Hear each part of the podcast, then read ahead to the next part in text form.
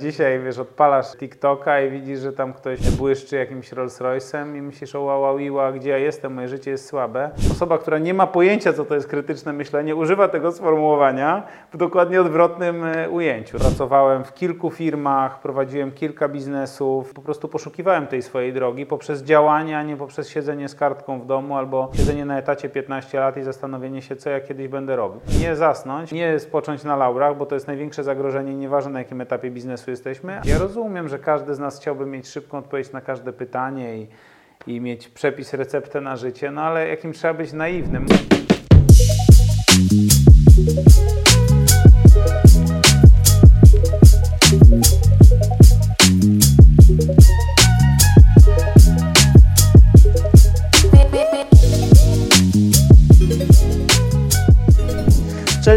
Witamy Was serdecznie w podcaście Pomysł na Biznes. Jesteśmy dzisiaj z Gregiem Albrechtem, Cześć. doradcą zarządów oraz inwestorem w branży technologicznej. Nowe technologie generalnie, tak? Potwierdzam, tak. Tym się zainteresowałeś i teraz widzisz w tym największą szansę taką biznesową? Wiesz co, nie wiem, czy widzę w tym największą szansę. No, takie mamy specyficzne też czasy ze względu na tę dekoniunkturę chwilową, spadek wycen i tak dalej, więc akurat w tym, w tym roku jestem bardziej konserwatywny, jeżeli chodzi o inwestycje w tym obszarze i bardziej Tak? się rozglądam na rynku, bardziej na rynkach tradycyjnych, yy, typu nieruchomości. No, to nic ekscytującego, ale jednak pogłębiam trochę wiedzę na ten temat, widzę, że tam też jest potencjał. Natomiast ogólnie no, inwestycje technologiczne wydają się ciekawsze, mają większy wpływ na świat. No i mm, potencjał takiego budowania wartości długoterminowego wydaje mi się, że jest no dużo większy niż ograniczony potencjał w branży nieruchomościowej. O, tak bym powiedział. A myślisz, że ciężko się teraz będzie odnaleźć nie tylko przedsiębiorcom, ale w ogóle ludziom w tej erze zmian, no bo bardzo dużo zmian nadchodzi, wiadomo, wydarzenia gospodarcze, ale też mamy takie e, mocny postęp sztucznej inteligencji w ogóle w internecie, ale bardzo przyspieszonym w trendach e-commerce. Myślisz, że ciężko się w tym dzisiaj odnaleźć? Nie wiem, myślę, że wiesz, każdy czas ma swoje prawdy i jakby jeżeli ktoś nie jest na bieżąco, to jak nie był na bieżąco w latach 90., to, to też miał problem i dzisiaj tak samo będzie. Więc wydaje mi się, że jest kwestia adaptacji. Adaptacji. Ale te nowe technologie i, te, i Tak. też nowe formy ym, interakcji ze światem, one są tak projektowane, żeby ludziom było łatwo. Wydaje mi się, że większym problemem jest nie to, czy ja będę potrafił korzystać z nowych technologii, które są na świecie, ale bardziej, czy będę potrafił się przed nimi obronić. Mhm. To jest case social mediów chociażby, prawda? Aha. To jest fajne narzędzie, natomiast to jest, wiesz, w rękach szaleńca jest jak, jak granat, tak jak za, dawać zapałki dziecku. No i łatwo się uzależnić i dorośli się uzależniają, a co dopiero dzieci. Także tak myślę, że to jest tak z Aha. tymi nowymi technologiami, że bariera wejścia nie jest wysoka, ale jest bariera wyjścia Aha. wysoka, nie? A z Twojego doświadczenia no, zajmujesz się, można powiedzieć, takim szeroko pojętym coachingiem, ale bardzo na takich wysokich stanowiskach z osobami tego typu. To jak to wygląda w, w Twojej ocenie z, z takiego, takim wpływem tych social mediów i tych nowych technologii na dzisiaj na, na ludzi? Ogólnie na ludzi no to wpływ ma Tym taki... negatywnym bardziej. No negatywny wpływ jest taki, że jakby jeszcze zwiększyła się poczucie tego porównywania się w skali globalnej. Kiedyś mieszkałeś sobie w jakiejś wiosce gdzieś i nawet w Peru, tak, i byłeś szczęśliwy, bo nie widziałeś, że gdzieś ktoś jeździ Rolls Royce'em i miałeś to gdzieś. I życie było proste. Dzisiaj, wiesz, odpalasz TikToka i widzisz, że tam ktoś błyszczy jakimś Rolls Royce'em i myślisz, o wow, wow, gdzie ja jestem, moje życie jest słabe. No i wiadomo, fikcja tworzona przez social media, rzeczywistość, a, a Instagram i tak dalej, to są wszystko rzeczy, które są ciężkie. No i, i jeszcze jedna kwestia, to jest kwestia tego konsumowania social mediów, w jaki sposób to w ogóle wpływa na naszą psychikę, że nasz mózg nie jest przystosowany do takiego multitaskingu, wiesz, siedzisz na TikToku i w minutę zeskrolujesz 100 historyjek, to tak ryje beret, że ciężko potem się nauczyć bycia skupionym na jednej rzeczy przez godzinę. Także Tak. to są wyzwania. Natomiast czy osoby, z którymi ja pracuję, są ofiarami tego? Chyba mniejszym stopniu niż osoby, które mniej osiągają, bo jednak, żeby osiągnąć coś, to trzeba być w pewien sposób skupionym. Mm. To bardzo ciekawy temat i zahaczymy o niego po pięciu pytaniach, które Ci zadam, takich szybkich. Dobra. Biznes czy podróże? Jedno i drugie naraz. Relacje czy samotność? Relacje zdecydowanie. Ostatnia książka, która dała Ci największą wartość? Dużo ich czytam różnych. E, ale żeby dałem jakąś ogromną wartość. Mm, A, Fierce Intimacy, y, niejakiego Terensa Rilla. To jest o relacjach w związku partnerskim. i w ogóle w partnerstwie. Świetnie opłacany kontrakt czy wolność? No, jedno jest warunkiem drugiego. To jest wolność dzięki temu, że realizuje tylko świetnie opłacane kontrakty. Największy minus bycia przedsiębiorcą. Ja to nie widzę tych minusów, jeżeli pytasz o moje doświadczenia, natomiast dla kogoś, kto chce zostać przedsiębiorcą, umiejętność radzenia sobie z sytuacją niepewności. Dobra, to kończymy. Aha, super, Nie, no to my dopiero miło zaczynamy. Y, Dobra, Greg, powiedz mi tak y, z ciekawości, jak Twoja praca na co dzień wygląda jako doradcy zarządu? Moja praca polegała na tym, że w zasadzie działam w takich dwóch głównych modelach. E, Jeżeli chodzi o kwestie takie doradczo-coachingowe, albo rozmawiam z kimś jeden na jeden i dowiaduję się, co u niego słychać, zadaję pytania i generuję pomysły, czasem rozwiązań i różnych e, kontaktów, które mogą pomóc te problemy rozwiązać. To jest część, czyli jest to takie łączenie coachingu z mentoringiem. Jeżeli chodzi o projekty stricte mm, nie tylko personalnie kierowane do jednej osoby, ale na przykład do zespołu zarządzającego, to podobnie to są spotkania, w trakcie których skupiamy się na analizie kluczowych problemów, znajdowania najważniejszych czynności, które można wykonać, żeby ten problem rozwiązać. To mogą być kwestie związane z leadershipem, kogo za, zatrudnić, jak się skutecznie komunikować, jak poprawić swoją postawę w tej interakcji. Czasem są związane z biznesem, czyli jak bardziej, na, na jakich produktach się skoncentrować, czy w jaki sposób lepiej komunikować swoją ofertę, czy z jakich klientów zrezygnować. Te drugie mają często też formę spacerów, o tym też kiedyś już opowiadałem, że wszyscy myślą, że doradztwo to musi być, wiesz, siedzimy tutaj w garniturach przy, mm, przy biurku i robimy notatki, ale też mam klientów, z którymi pracujemy w ten sposób, że chodzimy i rozmawiamy, to też fajnie się sprawdza. Poza tym mm, od czasu do czasu prowadzę, czy też osoby z mojego zespołu prowadzimy warsztaty strategiczne, czyli z góry definiujemy, jaki mamy problem do rozwiązania, przygotowujemy analizę, odpowiednie pytania wcześniej i potem w trakcie takiego warsztatu rozwiązujemy konkretny problem biznesowy, żeby znaleźć, żeby usprawnić jakiś sposób działania. I efekt takich działań w długim, w długim terminie jest tak naprawdę widoczny często w długim terminie najbardziej, dlatego taka współpraca potrafi e, trochę trwać. Więc jeżeli pytasz, jak wygląda mój dzień, zazwyczaj składa się z dwóch, trzech spotkań. Mhm.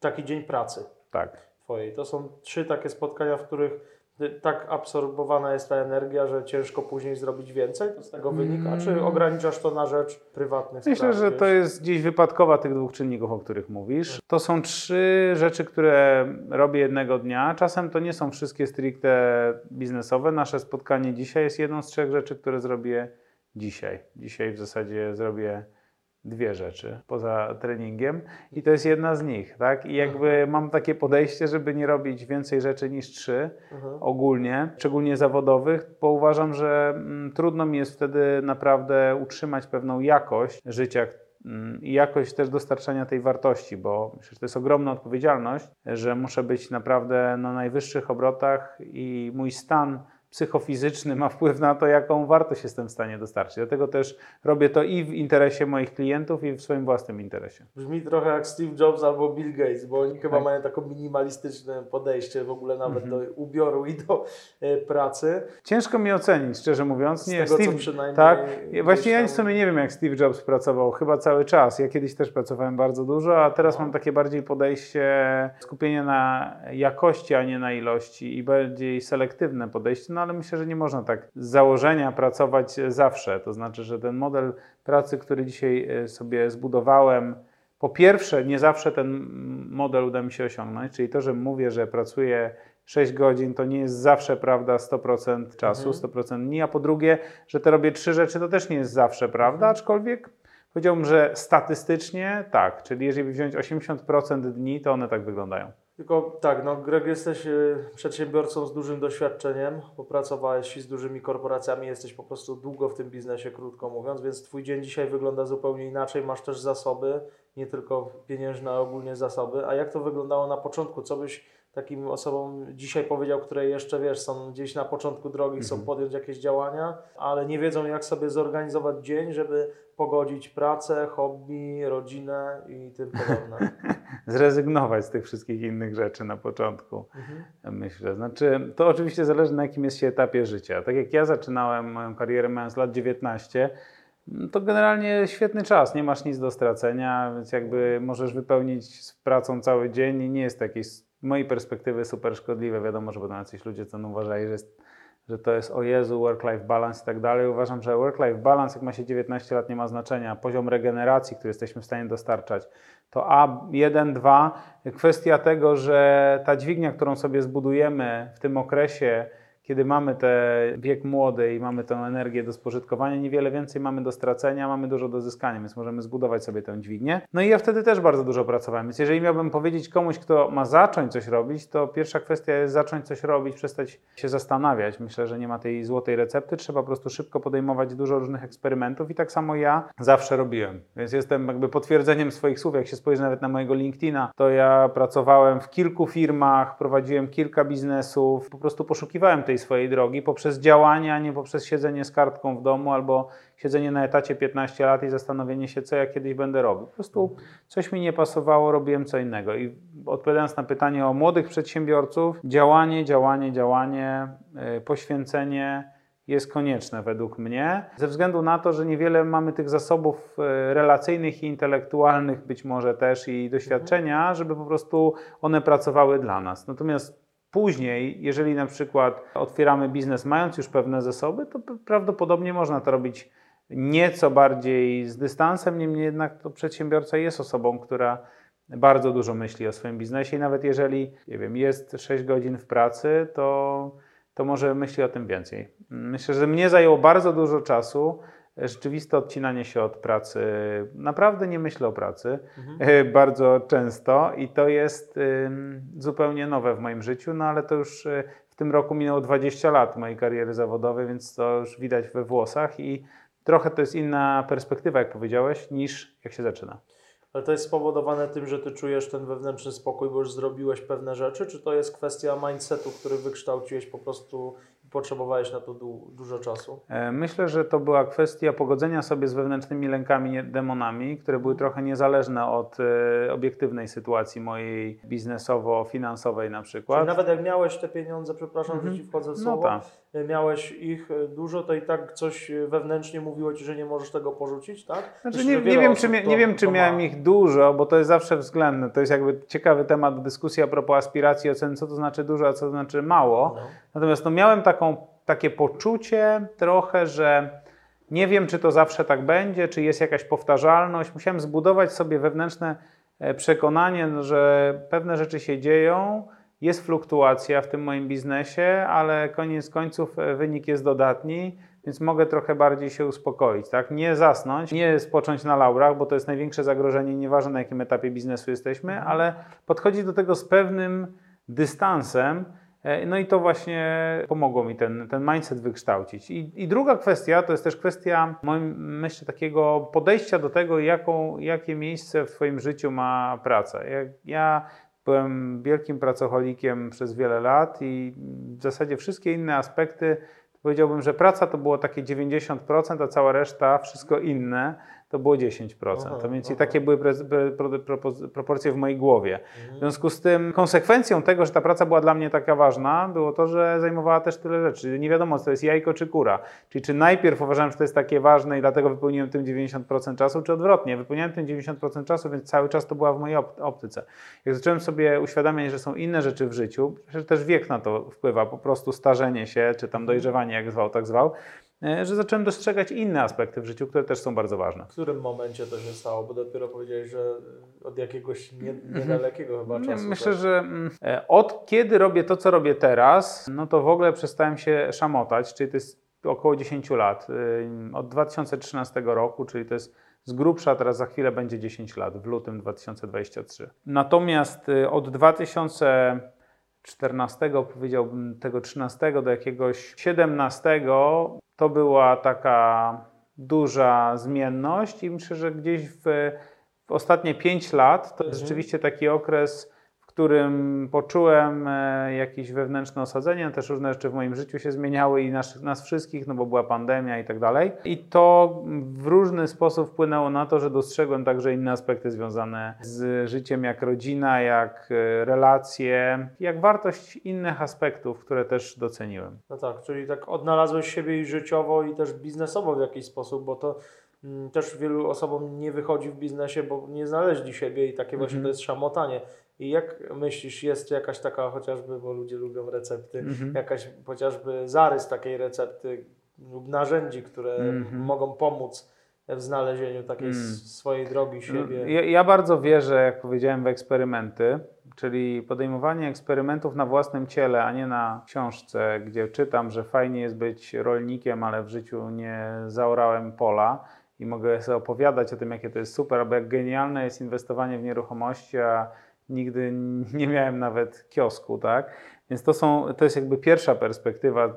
Oczywiście fajne jest to, co nas pociąga, ale pociąganie to jest jedno, a dwa potem prawda o tym, bo różne rzeczy są fajne. Klasyczny przykład, każdy chce mieć knajpę. Ja miałem kawiarnię i naprawdę to jest biznes, na którym się nie zarabia ogólnie. W sensie, okej, ja wiem, że jest jakiś promil ludzi, którzy zarabiają na tym, ale mm, większość osób to myślę, że to jest bardzo ciężki biznes, krótko mówiąc. I, i, a każdy marzy o tym, więc jakby zamiast marzyć, to zrób to, strać kasę, zobacz jak to jest, albo No. strać czas i, i to, to buduje, czyli te próby.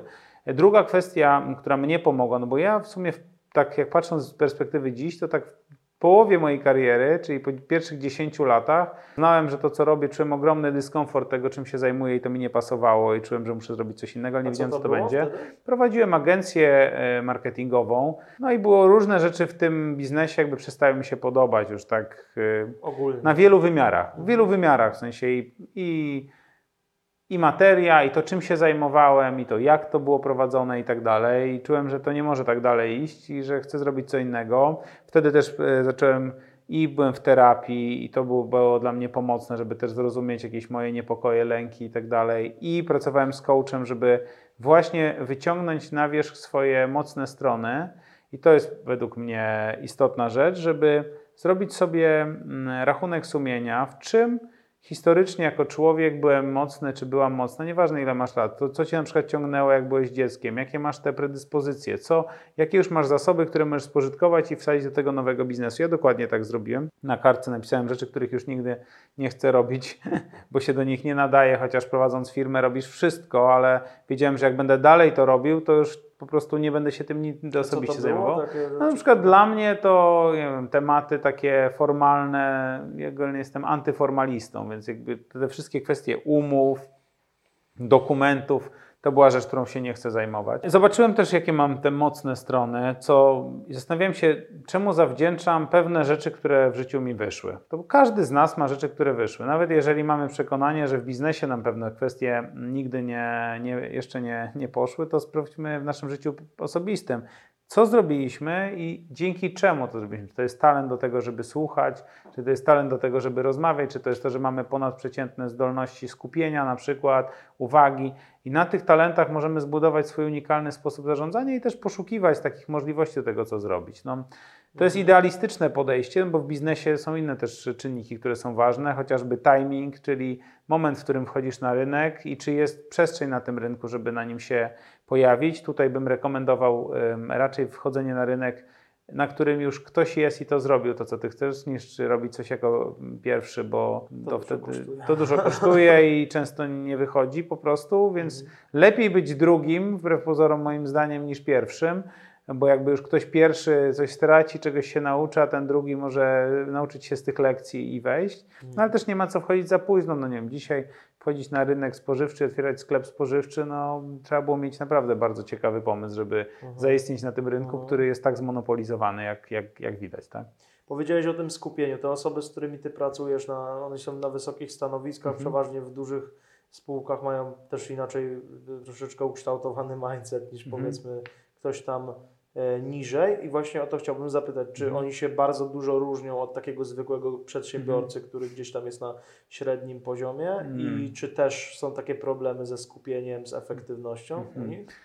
Wiesz, to jest ciekawe pytanie, bo pracuję zarówno z reprezentantami dużych spółek, ale także z przedsiębiorcami, którzy prowadzą mniejsze firmy, czasem liczebnie niewielkie, kilkuosobowe, kilkunasto, kilkudziesięcioosobowe, więc ten przekrój jest duży. To, co jest przewagą tych osób, które odnoszą sukces, e, myślę, że jest wyciąganie wniosków, odwaga, podejmowanie ryzyka, działanie, zbieranie wiedzy. Jest dużo czynników, nie tylko skupienie. I niektóre te osoby też nie są takie modelowe, jakbyśmy sobie chcieli to wyobrazić, że to jest tam, wiesz, jakiś kurczę człowiek, człowiek zegarek, który idealnie chodzi. Mhm. Totalnie tak nie jest. Myślę, że każdy może znaleźć w sobie właśnie ten sposób działania, który jest jego talentem i nie ma co próbować się przemalowywać w inne formy. Ja na przykład y, mogę powiedzieć o sobie, że no nie wiem, no nie, nie lubię rzeczy, które są na przykład powtarzalne i dlatego zbudowałem sobie życie tak, że mogę cały czas robić coś nowego, a mimo to pozostawać w jakimś tam obszarze, tak? I jeżeli ma się taki styl działania, dobrze pomyśleć, ok, to jakie ja obszary w biznesie, które będę prowadził, muszę objąć, a kogo sobie zatrudnię. Jeżeli odwrotnie mam tendencję skupienia na detalu, lubię, lubię proces, lubię Excela, lubię takie rzeczy i lubię siedzieć w rzeczach i patrzeć długoterminowo, to, to, jest tym brakującym ogniwem będzie ktoś, kto będzie właśnie bardziej elastyczny, bardziej wychodzący do przodu. Czyli krótko mówiąc, mm, z każdego modelu można wyjść. Osoby, z którymi działam, myślę, że cechują się na pewno determinacją, odwagą do podejmowania ryzyka i do e, podejmowania decyzji. Podejmowanie decyzji to jest bardzo ciekawy temat, bo nie uświadamiamy sobie tego, że bardzo często decyzji w ogóle nie podejmujemy, czy czekamy, aż decyzja się sama rozwiąże i to jest największa strata czasu, jaka może być. Chociażby decyzja o tym, chcę założyć firmę, ale co się musi stać? Idealne warunki. A może zrobię, a może nie zrobię. I siedzimy na płocie. To konsumuje nasze zasoby, bo ani nie, nie idziemy w prawo, ani w lewo. Lepiej pójść w lewo, popełnić błąd i za trzy kroki pójść znowu w prawo, niż siedzieć się zastanawiać na tym rozdrożu. To jest bariera rozwoju bardzo wielu osób, niezależnie od y, doświadczenia. Czyli tak jednym słowem, brak decyzji to też decyzja. Chciałbym Cię zapytać właśnie o tą odwagę, determinację i decyzję. Do jakiego stopnia to dochodzi? Na, na jakim poziomie wykręcenia w przeciwieństwie do prze, przeciętnego, powiedzmy, przedsiębiorcy czy osoby przeciętnej po prostu gdzieś tam w, tym, w, w tej skali? E, Do jakiego stopnia to może nawet na jakichś przykładach, jeśli możesz, e, idzie? Nie jestem zwolennikiem e, ekstremizmu w tym zakresie. To znaczy, że to, że wyobrażamy sobie determinację, determinacja to nie znaczy, że będę walił głową w ścianę, aż dostanę wstrząs- wstrząsienia mózgu. Więc to nie jest ta, to, to jest y, to jest głupota, prawda? Chodzi o to, żeby, żeby nie poddawać się od razu. Więc sądzę, że, że tutaj to jak z każdą rzeczą to jest kwestia mm, znalezienia pewnego balansu, jeżeli chodzi o ten sposób, w jaki, w, w jaki działamy. Mm, Okej. Także mm, myślę, że lansuje się pewnego rodzaju myślenie o determinacji, ale ludzie, którzy są zdeterminowani, mogą być mądrzy i, nie, i to nie oznacza, że robią cokolwiek, tylko w sposób konsekwentny dążą do pewnego celu, ale wyciągają wnioski, potrafią spojrzeć z perspektywy, są otwarte na feedback. A co do tego lansowania e, takich Mhm. postaw, Mhm. E, Jest to szkodliwe, nie ukrywam i e, jakby często rozmawiam, czy z Marcinem Osmanem rozmawialiśmy, czy z innymi przedsiębiorcami właśnie na temat tego, na temat tych postaw na zasadzie zainwestuj 500 zł, bądź bogaty, graj na Forexie i inne takie rzeczy. Mhm. Co Ty o tym sądzisz prywatnie? I Mhm. Ma to wpływ w ogóle na osoby, z którymi pracujesz? Kształtuje jakieś ograniczenia? Myślę, że osoby, które do mnie docierają, mm, Już są nie, po tym? nie, nie żyją w tej bańce e, iluzji. Pracuję z ludźmi, którzy mm, są ponad tym. Natomiast y, to jest. A y, Schodząc niżej na No ale, ale oczywiście to jest jakiś wycinek po prostu światopoglądowy, czyli myślę, że jest bardzo duża grupa osób, które są takie wannabe, chcą być kimś, chcą, a nie wiedzą za bardzo jak, nie mają wzorców i skupiają się na tym dążeniu do tego, żeby kimś tam być, ale tak naprawdę nie wiedzą jak to wygląda i czerpią informacje oglądając Instagrama i jest to no, dla mnie naiwność i głupota tego, że coś można osiągnąć szybko Mhm. i w prosty sposób, bo jakby jedyna metoda, żeby osiągnąć coś w prosty sposób i szybko, to jest robić coś nielegalnego, ale to, to też ma długoterminowe swoje konsekwencje. No, sorry, że tak mówię i nikogo do tego nie namawiam. Uważam, że to jest jeszcze większa głupota, bo po co się tak spieszyć? Jakby życie jest relatywnie długie. Jak ma się 20 lat, to można mnóstwo rzeczy osiągnąć przez 40 lat, a ta, ten mit y, tego overnight success, z dnia na dzień coś robimy, no to to jest bzdura. Zdarza się jak każda rzecz, tak? Może się urodzić ciele z dwiema głowami, natomiast mówmy o prawdopodobieństwie. I szczerze mówiąc, y, to bardziej jest nawet skutek, y, to jest bardziej skutek, a nie przyczyna. W sensie intryguje mnie to, że są tacy naiwni, głupi ludzie, którzy łykają takie e, bzdury i że jest popyt na takie treści. Ja rozumiem, że każdy z nas chciałby mieć szybką odpowiedź na każde pytanie i, i mieć przepis, receptę na życie, no ale jakim trzeba być naiwnym? Może jestem po prostu już jakby stary, albo może to kwestia mojego wieku, może jak miałem 20 lat, to bym inaczej o tym myślał i by- bym był bardziej naiwny w światopoglądzie swoim. No ale myślenie, że można coś osiągnąć w weekend, czy tam, czy tam grając na Forexie, no pomyślmy sobie, no jakby na Forexie 95% czy 98% osób traci, no to jakie masz prawdopodobieństwo, że będziesz w 2%? Jeżeli ktoś ci sprzedaje otwarte szkolenie i na nie może się zapisać każdy, to jakie jest prawdopodobieństwo, że wszyscy uczestnicy tego szkolenia, na przykład z nieruchomości, nagle zrobią pieniądze na nieruchomościach? No, Mhm.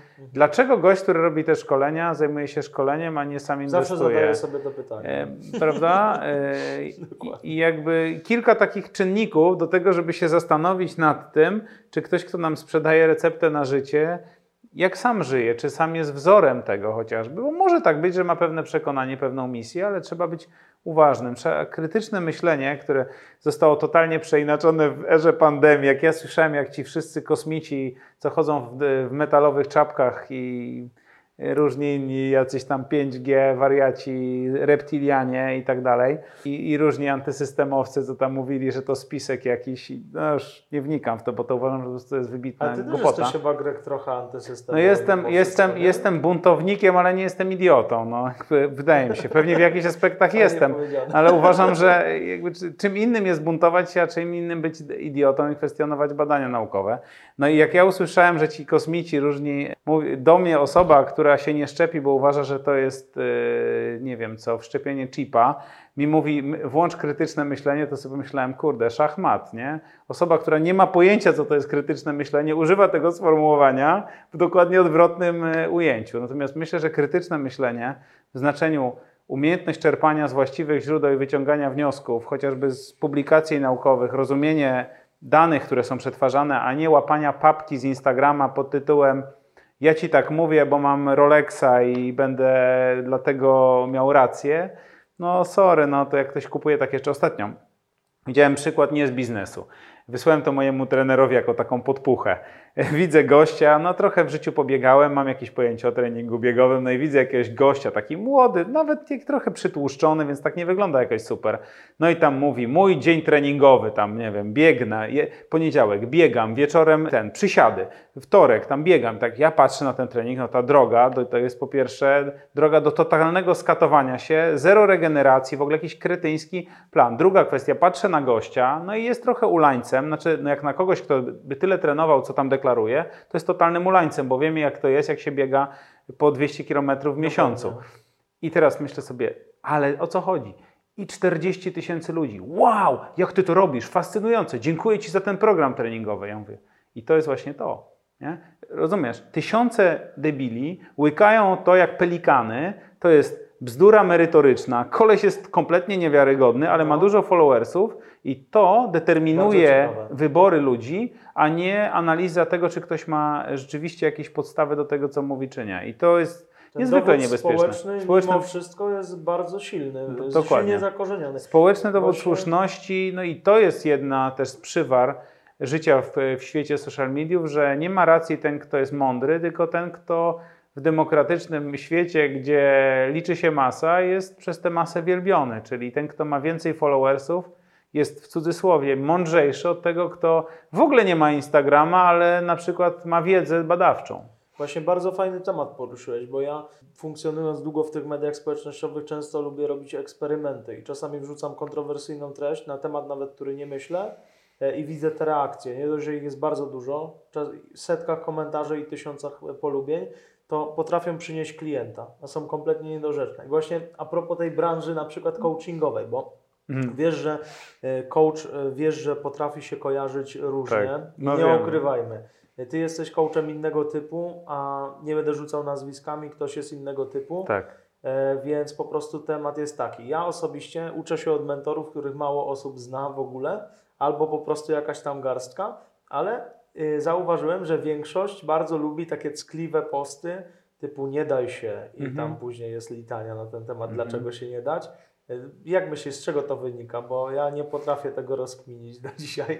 Mm, Wiesz co, ciężko mi to ocenić. To jest myślę, ten że myśl, społeczny na pewno może też. myślę, że ludzie, wiesz, to ludzie No bo popatrz, przepraszam, że Ci Mhm. przerwę, ale Mhm. ktoś ma efekty, y, może się nimi pochwalić jasno, Mhm. y, na przykład nie zależy mu na tych followersach, bo na przykład nie robi kontrowersji, bo uważa to za Mhm. mało profesjonalne i więcej klientów na takie masowe na przykład jakieś tam produkty, A nie, no ma niewątpliwie. ktoś kompletnie jakiś y, odczepiony, który... No dlatego ja nie pracuję z masą.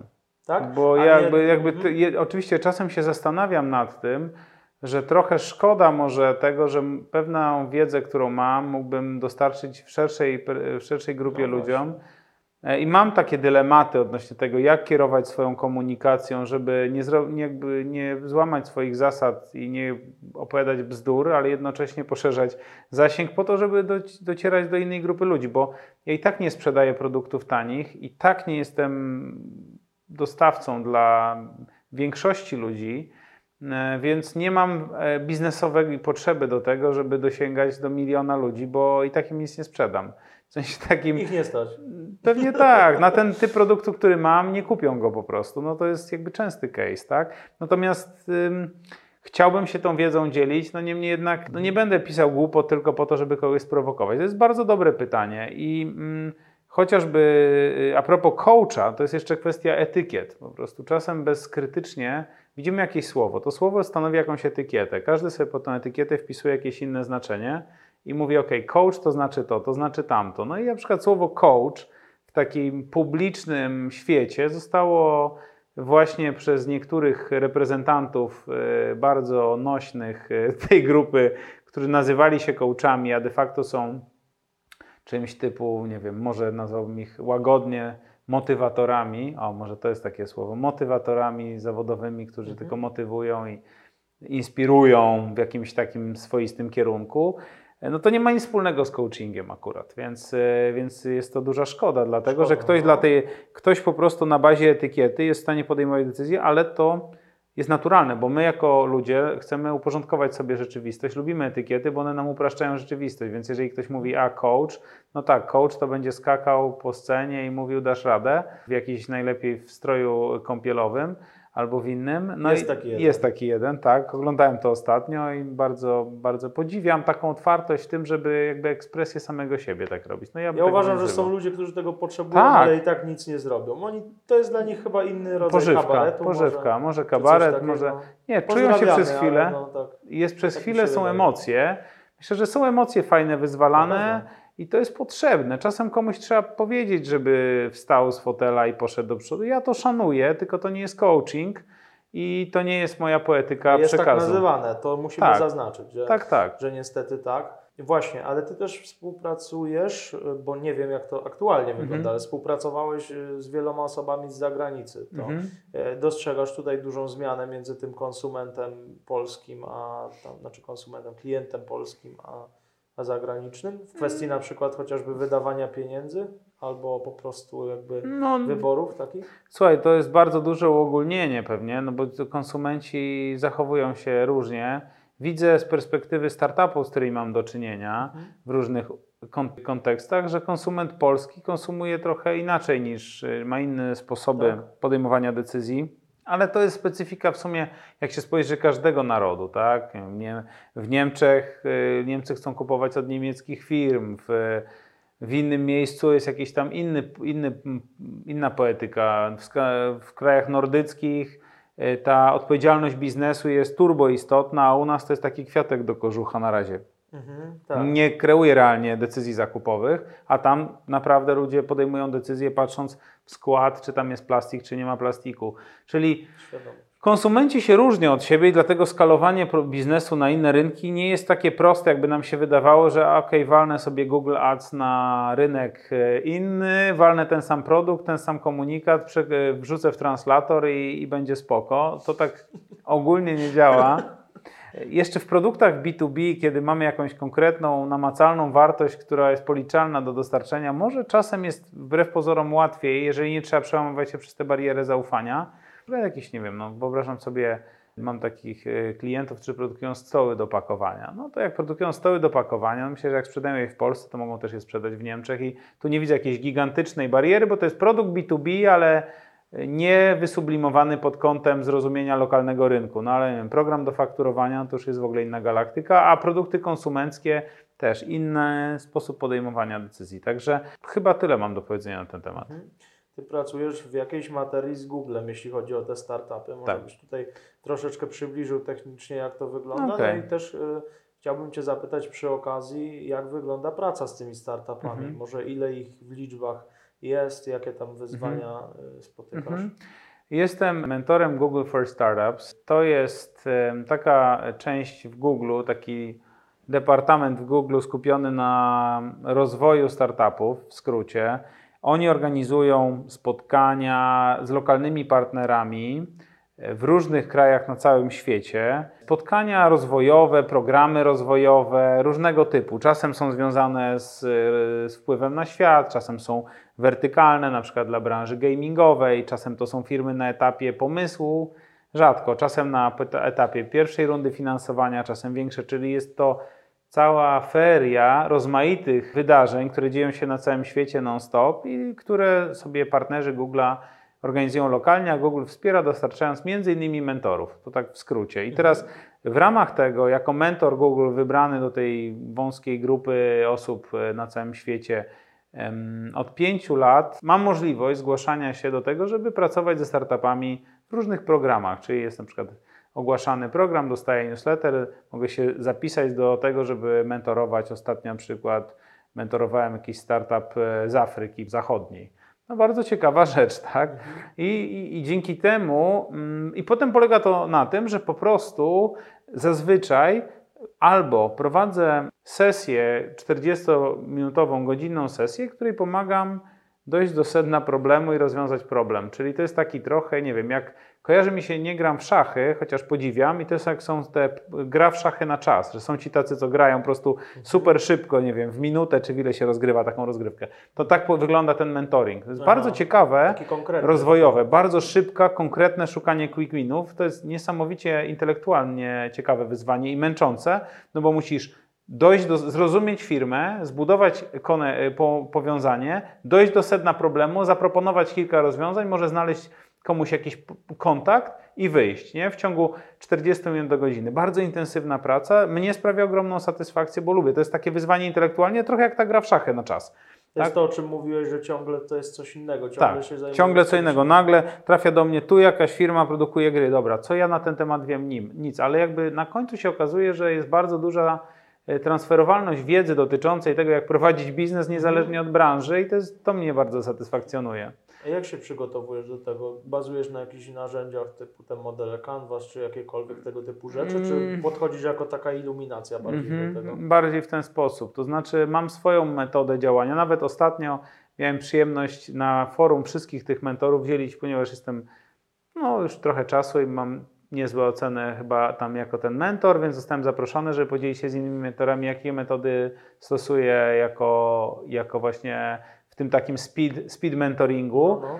A Więc moja metoda jest taka, żeby szybko zadając konkretne pytania, jak najbardziej zrozumieć, zdiagnozować problem i zrozumieć biznes. No trudno mi jest to przetłumaczyć, ale po prostu, ponieważ już tyle firm w życiu widziałem, tych startupów pewnie mentorowałem, nie umiem ocenić, nie liczę tego, no 100 albo więcej, więcej przez te wszystkie lata, yy, więc mam już taką zdolność do tego, żeby szybko dojść do sedna i też przebić się przez jakiś bullshit, taki, że ktoś tam próbuje mnie oczarować. Na takiej Aha. sesji mentoringowej nie ma czasu na czarowanie, trzeba powiedzieć, co nie działa. Nie, czasem próbuje ego bardziej? ego bardziej. No, problemy czasem z, z przyznaniem się do, do tego, jakby, gdzie jest ten problem. Aczkolwiek ludzie, którzy już są wyselekcjonowani do tych programów, to i tak są ludzie naprawdę. Przez coś się przebili już. Przebili się już. No, dołączyli Google, to, to nie przyjmuje każdego takiego programu, tylko też trzeba już coś udowodnić. Więc są ciekawi ludzie, wchodzą w grę różnice kulturowe. To też jest dla mnie fascynujące. Nie? Że Gadam z już nie pamiętam, gdzieś tam powiedzmy w jakimś kraju, żeby już tu nie stygmatyzować i nie stereotypizować, po prostu widzę jaka jest potrzeba relacji. Widzę, że na przykład robiłem, prowadziłem, bo też te programy mają czasem miejsce na żywo. Przed pandemią szczególnie latałem po różnych krajach, na przykład nie wiem, byłem gdzieś w Hiszpanii, w Rumunii i tak dalej i w Szwecji, no i w każdym miejscu jest inna kultura i widzisz, że nie wiem, na przykład ludzie się w jakimś tam kraju zawsze spóźniali na te sesje mentoringowe, po prostu to jest normalne.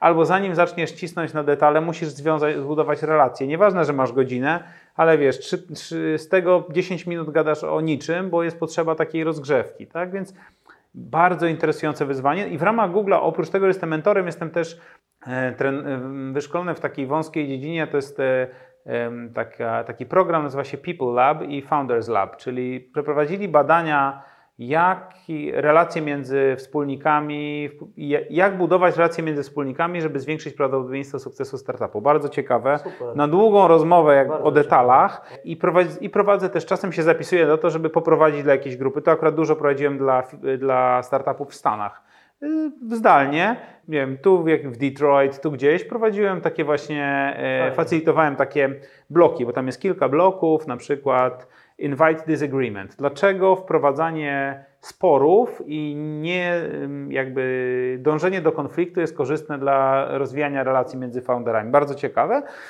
I, I to jest druga rzecz, którą robię. Czyli krótko no, mówiąc, dla mnie ten, te, te programy Google'owe to jest takie okno na świat, kontakt z firmami z różnych dziedzin, z różnych kontynentów, z różnych krajów, poznawanie genialnych innych mentorów i też dostęp do fajnej, wie, fajnej wiedzy z Google'a, więc y, bardzo, bardzo to sobie cenię. To jest super, że masz w ogóle źródło, do, tak jesteś podpięty do takiego fajnego flow. Tak. E, powiem Wam tak, e, bo też e, ja pytam nie bez powodu, bo ja doświadczyłem takiej sesji z Tobą w mhm. jakiś sposób, bo nasza pierwsza rozmowa była o e, naszym produkcie, e, który mamy. Mhm. Mm, I ty y, niesamowicie szybko doszedłeś do tego feedbacku. I on był mhm. tak po prostu tak fajnie, też miękko go podałeś.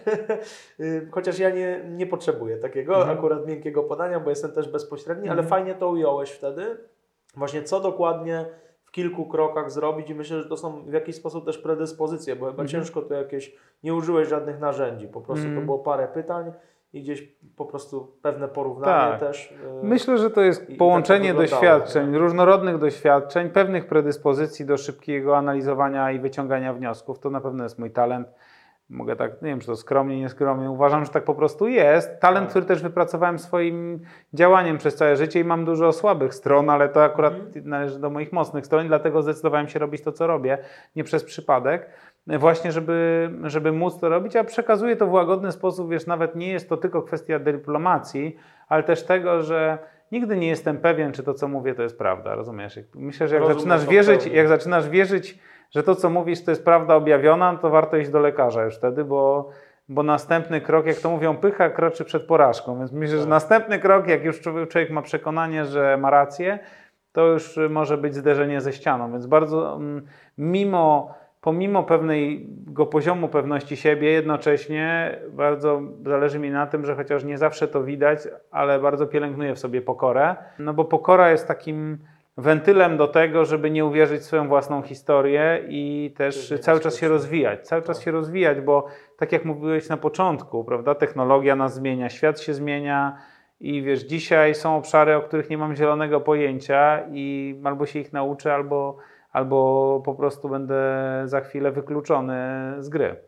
Ty szukasz wiedzy na bieżąco, mimo że masz dostęp do, tej, do tych zasobów mhm. Google'a, gdzie jakiej wiedzy szukasz, uczysz się u jakichś e, mm. mentorów sam. Mm. To są książki czy mm, kursy? Czytam dużo, czytam dużo książek. Najbardziej, najbardziej mnie interesują ogólne, uniwersalne zasady, które mają zastosowanie w różnych przestrzeniach. Czyli nie mam osobowości osoby takiej, która by, przykład mój trener, znowu do niego wracam, ale dzisiaj mnie zafascynował. On ma taką pasję, że on bardzo zgłębia, jak dane kości są zbudowane, jak się przyczepiają konkretne mięśnie do konkretnych kości. On sobie pisze takie kompendium z różnych książek, własne kompendium dla siebie, bo to jest jego pasja, mhm. jak tam jakiś mięsień się przyczepia do kości. No, dla mnie to jest wow, totalnie nie mój sposób myślenia, żeby wchodzić tak głęboko w detal i, i uczyć się, nie wiem, o tym, jak robić coś na TikToku.